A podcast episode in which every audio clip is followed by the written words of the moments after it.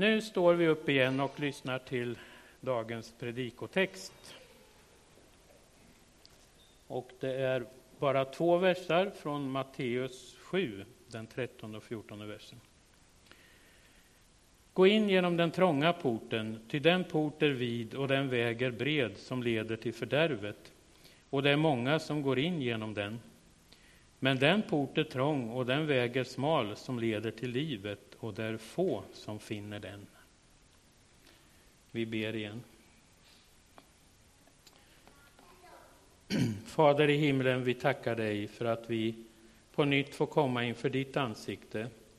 Tack att vi idag också får lova dig och prisa dig för vad du gjorde genom din son Jesus Kristus, som gick den här vägen före oss och som öppnade vägen hem till himlen. Tack att du vill låta din ande också lysa över ordet idag, att vi får sitta med öppna hjärtan och sinnen och ta emot vad du vill säga oss. I ditt namn. Amen. Varsågoda, sitt.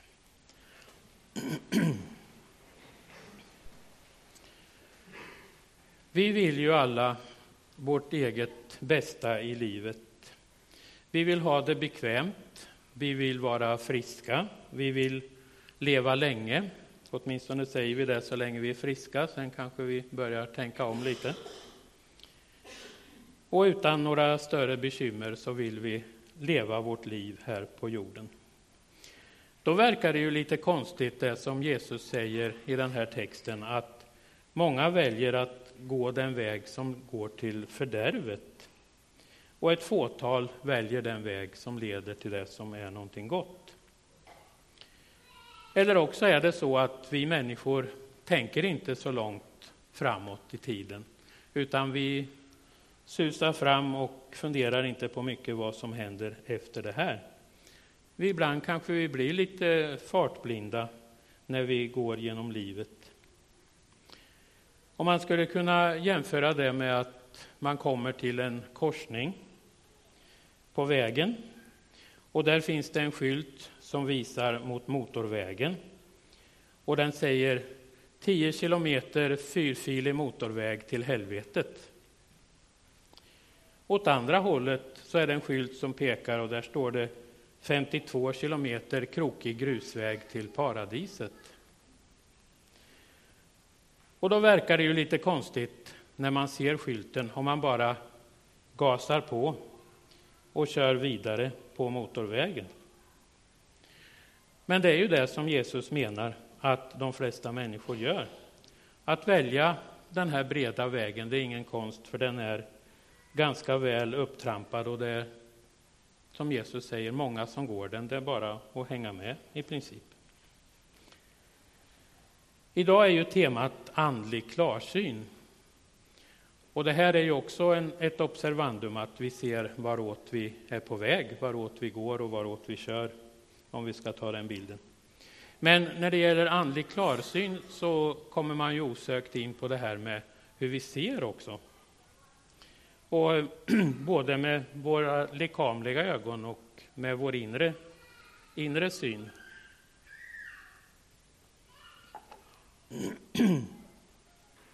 Och ibland så kanske vi inte har så där väldigt klarsynt blick utan den är lite skadad. Vi ser inte så klart vad som händer.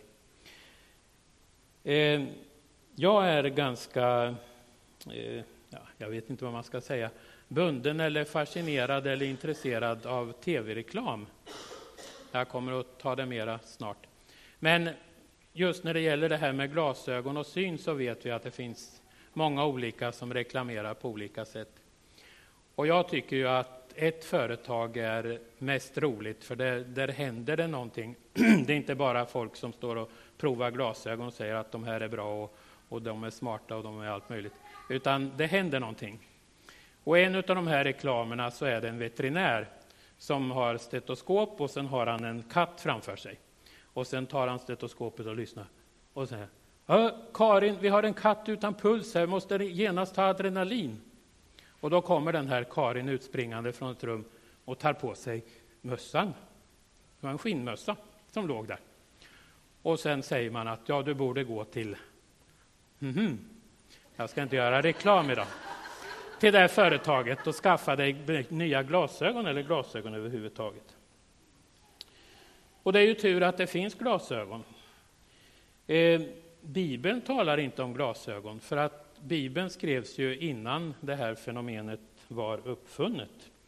Eh, jag läste någonstans att glasögonen uppfanns ungefär på 1200-talet och då var det i Venedig som man började använda det vi idag tänker oss glasögon. Men man hade använt eh, ädelstenar innan. Det finns en ädelsten som heter beryll. Och tydligen så gick den att slipa så att den, den gav en förstoring. Och den, jag har inte tittat hur den ser ut, men jag kan tänka mig att den är ganska ljus till färgen. Och därifrån lär ordet brillor komma, för det säger vi ju ibland. Och det finns ju språk som har det, nästan det ordet också för att beteckna glasögon. Men eh, Bibeln har ett annat medel för att förbättra synen. Och eh, i Uppenbarelseboken 3 och 18 så står det om just det här. Och eh, den här texten handlar om ni som känner till Bibeln vet ju att i början på Uppenbarelseboken så skrivs det till olika församlingar. Och det här är församlingen i Laodikeia som är varken varm eller kall, utan man är ljumma. Och då säger Jesus så här att jag råder dig att hos mig köpa guld som har renats i eld så att du blir rik och vita kläder så att du kan klä dig och dölja din skamliga nakenhet. Och sen kommer det, och salva att smörja dina ögon med så att du kan se. Så det var receptet på den tiden, inte gå till en optiker och få nya glasögon utan använda en ögonsalva. Men som sagt, åter till glasögonen. Det är tur att de finns. Annars så skulle inte jag kunna läsa och jag kan ju då inte heller predika, för man behöver läsa på lite och skriva lite innan man ska tala. Sen eh, så är det ju så att med åren så, så blir man mindre klarsynt och ögonen blir mer skumögda. Och sist jag var hos optiken fick jag veta att jag har 80% syn och den går inte att höja ens med glasögon. Så eh, ja, nu den text jag har framför mig här, den är faktiskt 16 punkter för att jag ska kunna se den riktigt bra. Så att eh, man märker ju själv att det blir sämre undan för undan. Och då kan man ju undra, undra, hur är det med den andliga klarsynen? Tilltar den istället då när vi blir äldre och, och skumögda rent fysiskt? Förhoppningsvis så kan vi väl säga att vi blir klokare med åren. Man säger av erfarenheten blir man rik och förståndig. Men det finns inget givet samband mellan åldrande och andlig klarsyn, vad jag kan förstå. Och man kan väl säga så här att också i vårt andliga liv så behöver vi glasögon för att kunna se vad som är rätt och fel. Och vår tro är ju som en form av glasögon där vi kan betrakta världen och vi läser också av livet. Och det hjälper oss att skilja mellan gott och ont och att genomskåda det falska och söka det som är mera äkta. Och egentligen kan man säga att alla människor på något sätt använder glasögon. Och ibland brukar man ju skoja lite och säga nu är det ju dags att plocka blåbär och jag vet inte hur det är med svamp, det kanske har varit för torrt. Men då säger man ibland att jag måste ha på mig blåbärsglasögonen eller svampglasögonen för att just se det här. Och det är ju att man fokuserar på det man ska göra. Men det finns en grupp människor som klarar sig utan glasögon men ändå har en väldigt bra både yttre och inre syn. Och det sitter en sån liten människa där. Det är barnen. För Bibeln säger så här, Jesus säger flera gånger, han ställer ett barn i mitten och säger omvänd er och bli som ett barn. Och vi vet också, det finns andra ord som säger att om inte, eh, hur är det nu, om inte människorna ropade så skulle barnen ropa, eller stenarna, ja, nu, nu kanske jag snurrar till det. Det var dumt. Men eh, det här att omvända sig, det är ju också att få en sinnesförnyelse, alltså våra sinnen blir förnyade. Och då kan man ju tänka sig då att det mera syftar på de inre sinnena, alltså vår andliga klarsyn. Sen om man har glasögon så kan man ju inte ha dem hela tiden utan att sköta dem också. Man måste putsa dem och göra någonting åt dem. Eller också kanske rent av byta ut dem när det blir för dåligt. Och då går man till en optiker. Och som jag sa nyss så är jag lätt påverkad när det gäller reklam. Men inte bara det i det här fallet, för att eh, det var när jag var ganska nybliven pensionär och då har man ju lite fördomar om att oj, nu har jag mindre pengar, nu kan jag inte lägga så mycket på glasögon. Så istället för att gå till den lokala, lokala optiken här, det har varit tidigare, så gick jag till en optiker i Linköping. Just på det här företaget som jag pratade om förut.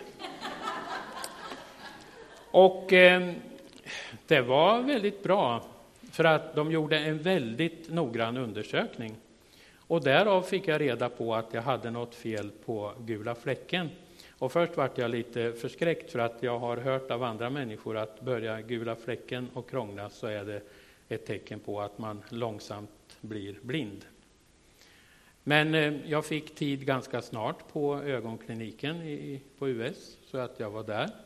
Och då visade det sig att det var någon form av blödning på gula fläcken. Så att om man tittade på bilden när de hade bländat mig flera gånger och gjort allt möjligt så jag knappt såg vad jag hette, så såg man i alla fall att det var som ett streck och en liten backe så här. Och jag fick gå dit några gånger och den här backen blev mindre och mindre så jag hoppas att den är borta. Men sen är det ju så när det gäller affärsvärlden att då vill man ju också göra en massa andra grejer. Så det första när man kommer dit, då tar de de gamla glasögonen så här, så tittar de. Ja, herr Eriksson, de här glasögonen är krackelerade.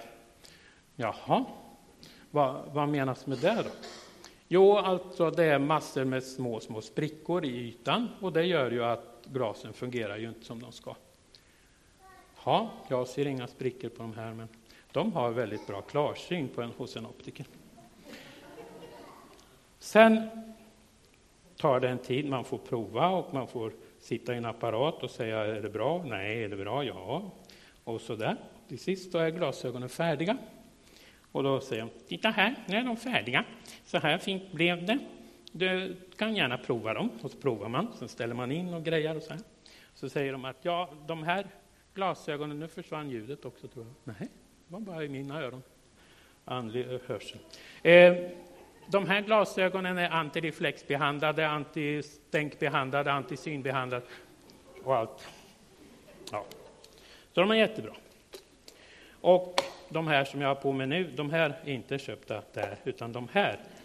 Men jag vill ju inte ta med dem, för då kanske de krackelerar. När man Men i alla fall så när jag åkte från stan, då såg jag väldigt bra, för då såg jag bilskyltar och vägskyltar och allt. Det gör jag inte längre. Men allvarligt talat, det vi kanske mest råkar ut för när vi har synfel andligt sett, det är ju att vi har den så kallade bjälksjukan. Vi ser bjälken i våra medmänniskors ögon, men vi ser inte den lilla flisa som vi själva har, utan vi tycker att alla andra ser fel och gör fel och är fel. Så.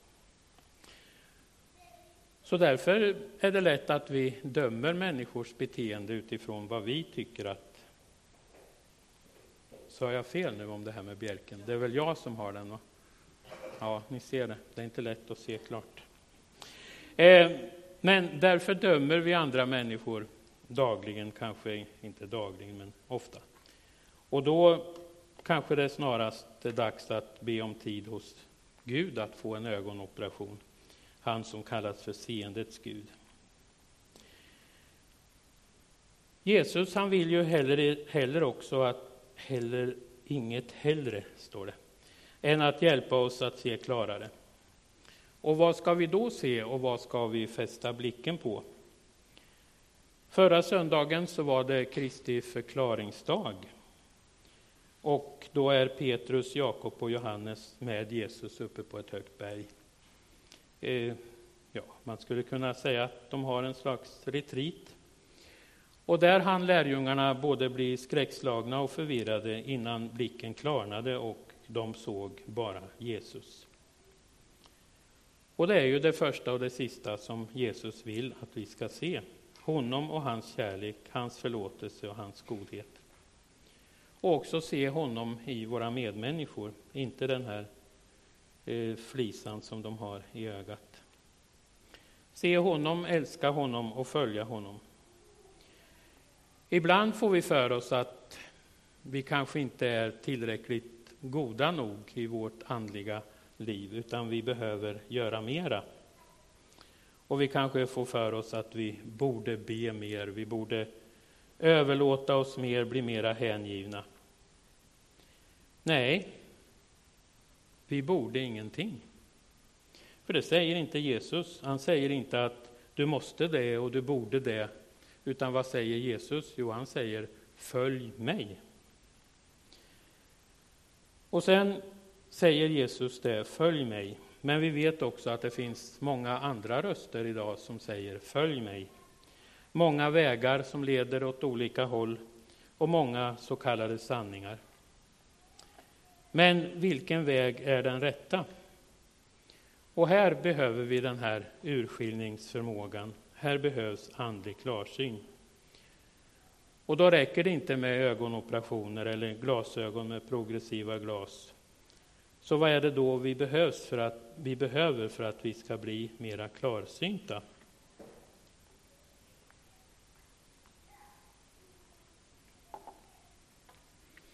Jag kommer till det strax. Förra veckan så var vi ute på torpet och ehm, när man måste åka färdtjänst så kan man inte ha allt med sig som man har när man åker bil. Så därför så även en liten bok tar sin plats. Så jag hade ingen bok att läsa, men som tur är har vi lite böcker där också. Vi har böcker överallt. Eh, och då hittade jag en bok som John Ortberg har skrivit som heter i titeln Den jag vill vara. Eh, John Ortberg är ju en amerikansk eh, pastor, predikant, men han har ändå tydligen ett svenskt påbrå, för han är svenskättling, så han brukar vara här i Sverige ibland. Eh, jag måste erkänna att jag tycker hans böcker är lite jobbiga. Så jag, jag, har inte läst hela den boken, men, men jag kom på en, en sak som jag ska använda mig av idag för att förklara någonting. Jag tycker han hade en bra illustration. Och han skriver där att han skulle ut och åka på lite okända vägar någonstans och eh, han skulle hyra en bil. Och när han var där på bilfirman så frågade biluthyraren om han ville ha ett hjälpmedel för att hitta Nej, sa han, det, jag behöver inte, jag hittar här. Och sen gick han ut och eh, skulle ta bilen. Men då hittade han inte bilen. Han kom inte ihåg vilken parkeringsruta den stod i, så han var tvungen att gå in igen. Och då kanske han hade tänkt till lite att ja, jag kanske behöver det här andra grejen också. Och det förstår ni ju alla vad det var för någonting. Det var en GPS han skulle behöva. Och eh, GPS är ju någonting fenomen som visar oss den exakta punkten där vi är och vägen som vi åker. Och GPSen talar också om om vi har ställt in ett färdmål när vi ska svänga och hur vi ska bete oss. Så att den innehåller både en bild, oftast över då vägen eller kartan, och också en röst som hela tiden tjatar. Eh, vi åkte husbil till Norrland för ett par år sedan. Jag har ingen GPS i den bil vi har nu, men då hade vi GPS. Och eh, jag måste väl erkänna att min eh, högerfot i normala fall är lite tung, så att gaspedalen kommer lite längre ner. och då säger den här, det var en man som pratade, du kör över hastighetsgränsen eller någonting sånt där, sa han hela tiden. Nu skriver Ortberg här att i den här GPSen som han fick var det en kvinnlig röst. Det kanske hade varit trevligare att höra henne tjata, men jag vet inte. Vart vill jag nu komma med det här? Jo, vi kan andligt få en GPS också.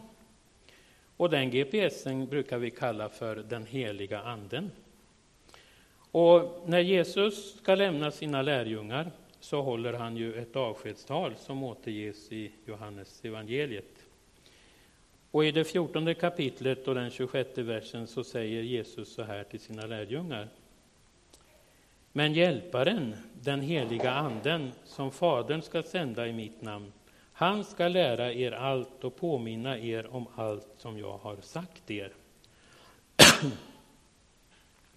och det är väl nästan som en GPS som vill leda vägen, vill påminna om att här kan vi svänga och här kan vi åka rakt fram och så vidare. För anden ska påminna oss om det som Jesus har sagt. Och då har vi ju både rösten, andens röst, och vi har kartan i den här boken, så vi kan följa vi, den väg vi ska vandra. Men vi vet ju det att även om vi har GPS och om vi har allt möjligt så kan vi ändå köra fel. Vi kan också gå fel på livets väg. Men då kanske både bilens och andens GPS säger så här. Tar ut ny färdriktning. När tillfälle ges, gör en U-sväng.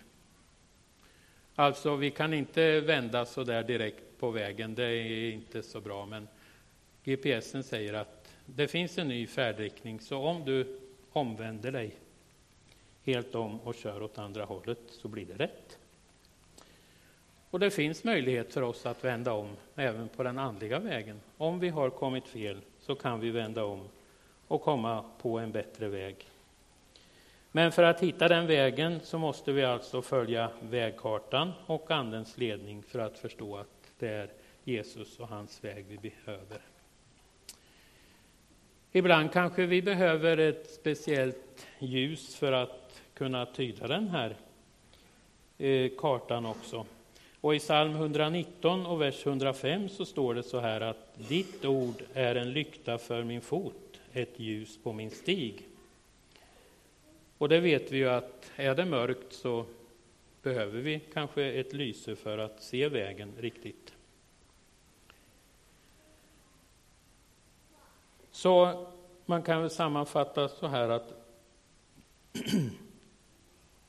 andlig klarsyn det förutsätter att vi är ödmjuka. För att vi kan lätt gå vilse. Och vi är ganska godtrogna och lättlurade och far in på den ena vägen och lockas att gå in på någon annan. Men med Guds hjälp, med Andens ledning, och vi har också någonting som kallas för samvete. Vi hör herdens röst, alltså Jesus som leder oss. Och om vi känner att vi har frid i hjärtat så kan vi också känna att vi, vi har den rätta vägen inom oss. Så på det sättet, med de här hjälpmedlen, så kan vi hitta rätt. Och går vi fel så finns det nåd att få starta om och börja om igen och följa den väg som går rätt. Sen är det ju människor som har gått före och kanske stakat ut vissa vägar med vägmärken och skyltar. Men då gäller det ju att vara uppmärksam att de här vägmärkena och de här skyltarna sitter rätt där de ska och pekar åt rätt håll. För om de inte följer Bibelns grundsanningar, då, då är de ju fel. Och det kanske är så att Anden inte har uppdaterat den här GPS-kartan, så kommer vi fel ett stycke. Men om det visar på den väg som följer Jesus och det han har sagt, så går vi på livets väg. Och det är genom Bibelns ord och genom Andens ledning. Vi ska snart fira nattvard här och då får vi också möjlighet att be och också be med och för varandra. Och känner du att du har kommit fel och behöver göra en utsväng så kan du få hjälp och ledning också genom förbönen. Amen. Vi ber tillsammans. Tack Jesus för att du vill leda oss på livets väg. Tack att du vill vara den som går före. Tack att du själv är vägen och du är sanningen och du är livet. Tack att du vill också öppna våra ögon, både de lekamliga och de andra kan se den väg som du vill att vi ska gå. Tack att du har gått före och du har öppnat den här vägen för oss alla. Och tack att vi också idag här får göra en korrigering kanske om vi behöver det, eller också få förnyad kraft att vandra den rätta vägen som går hem till dig. Amen.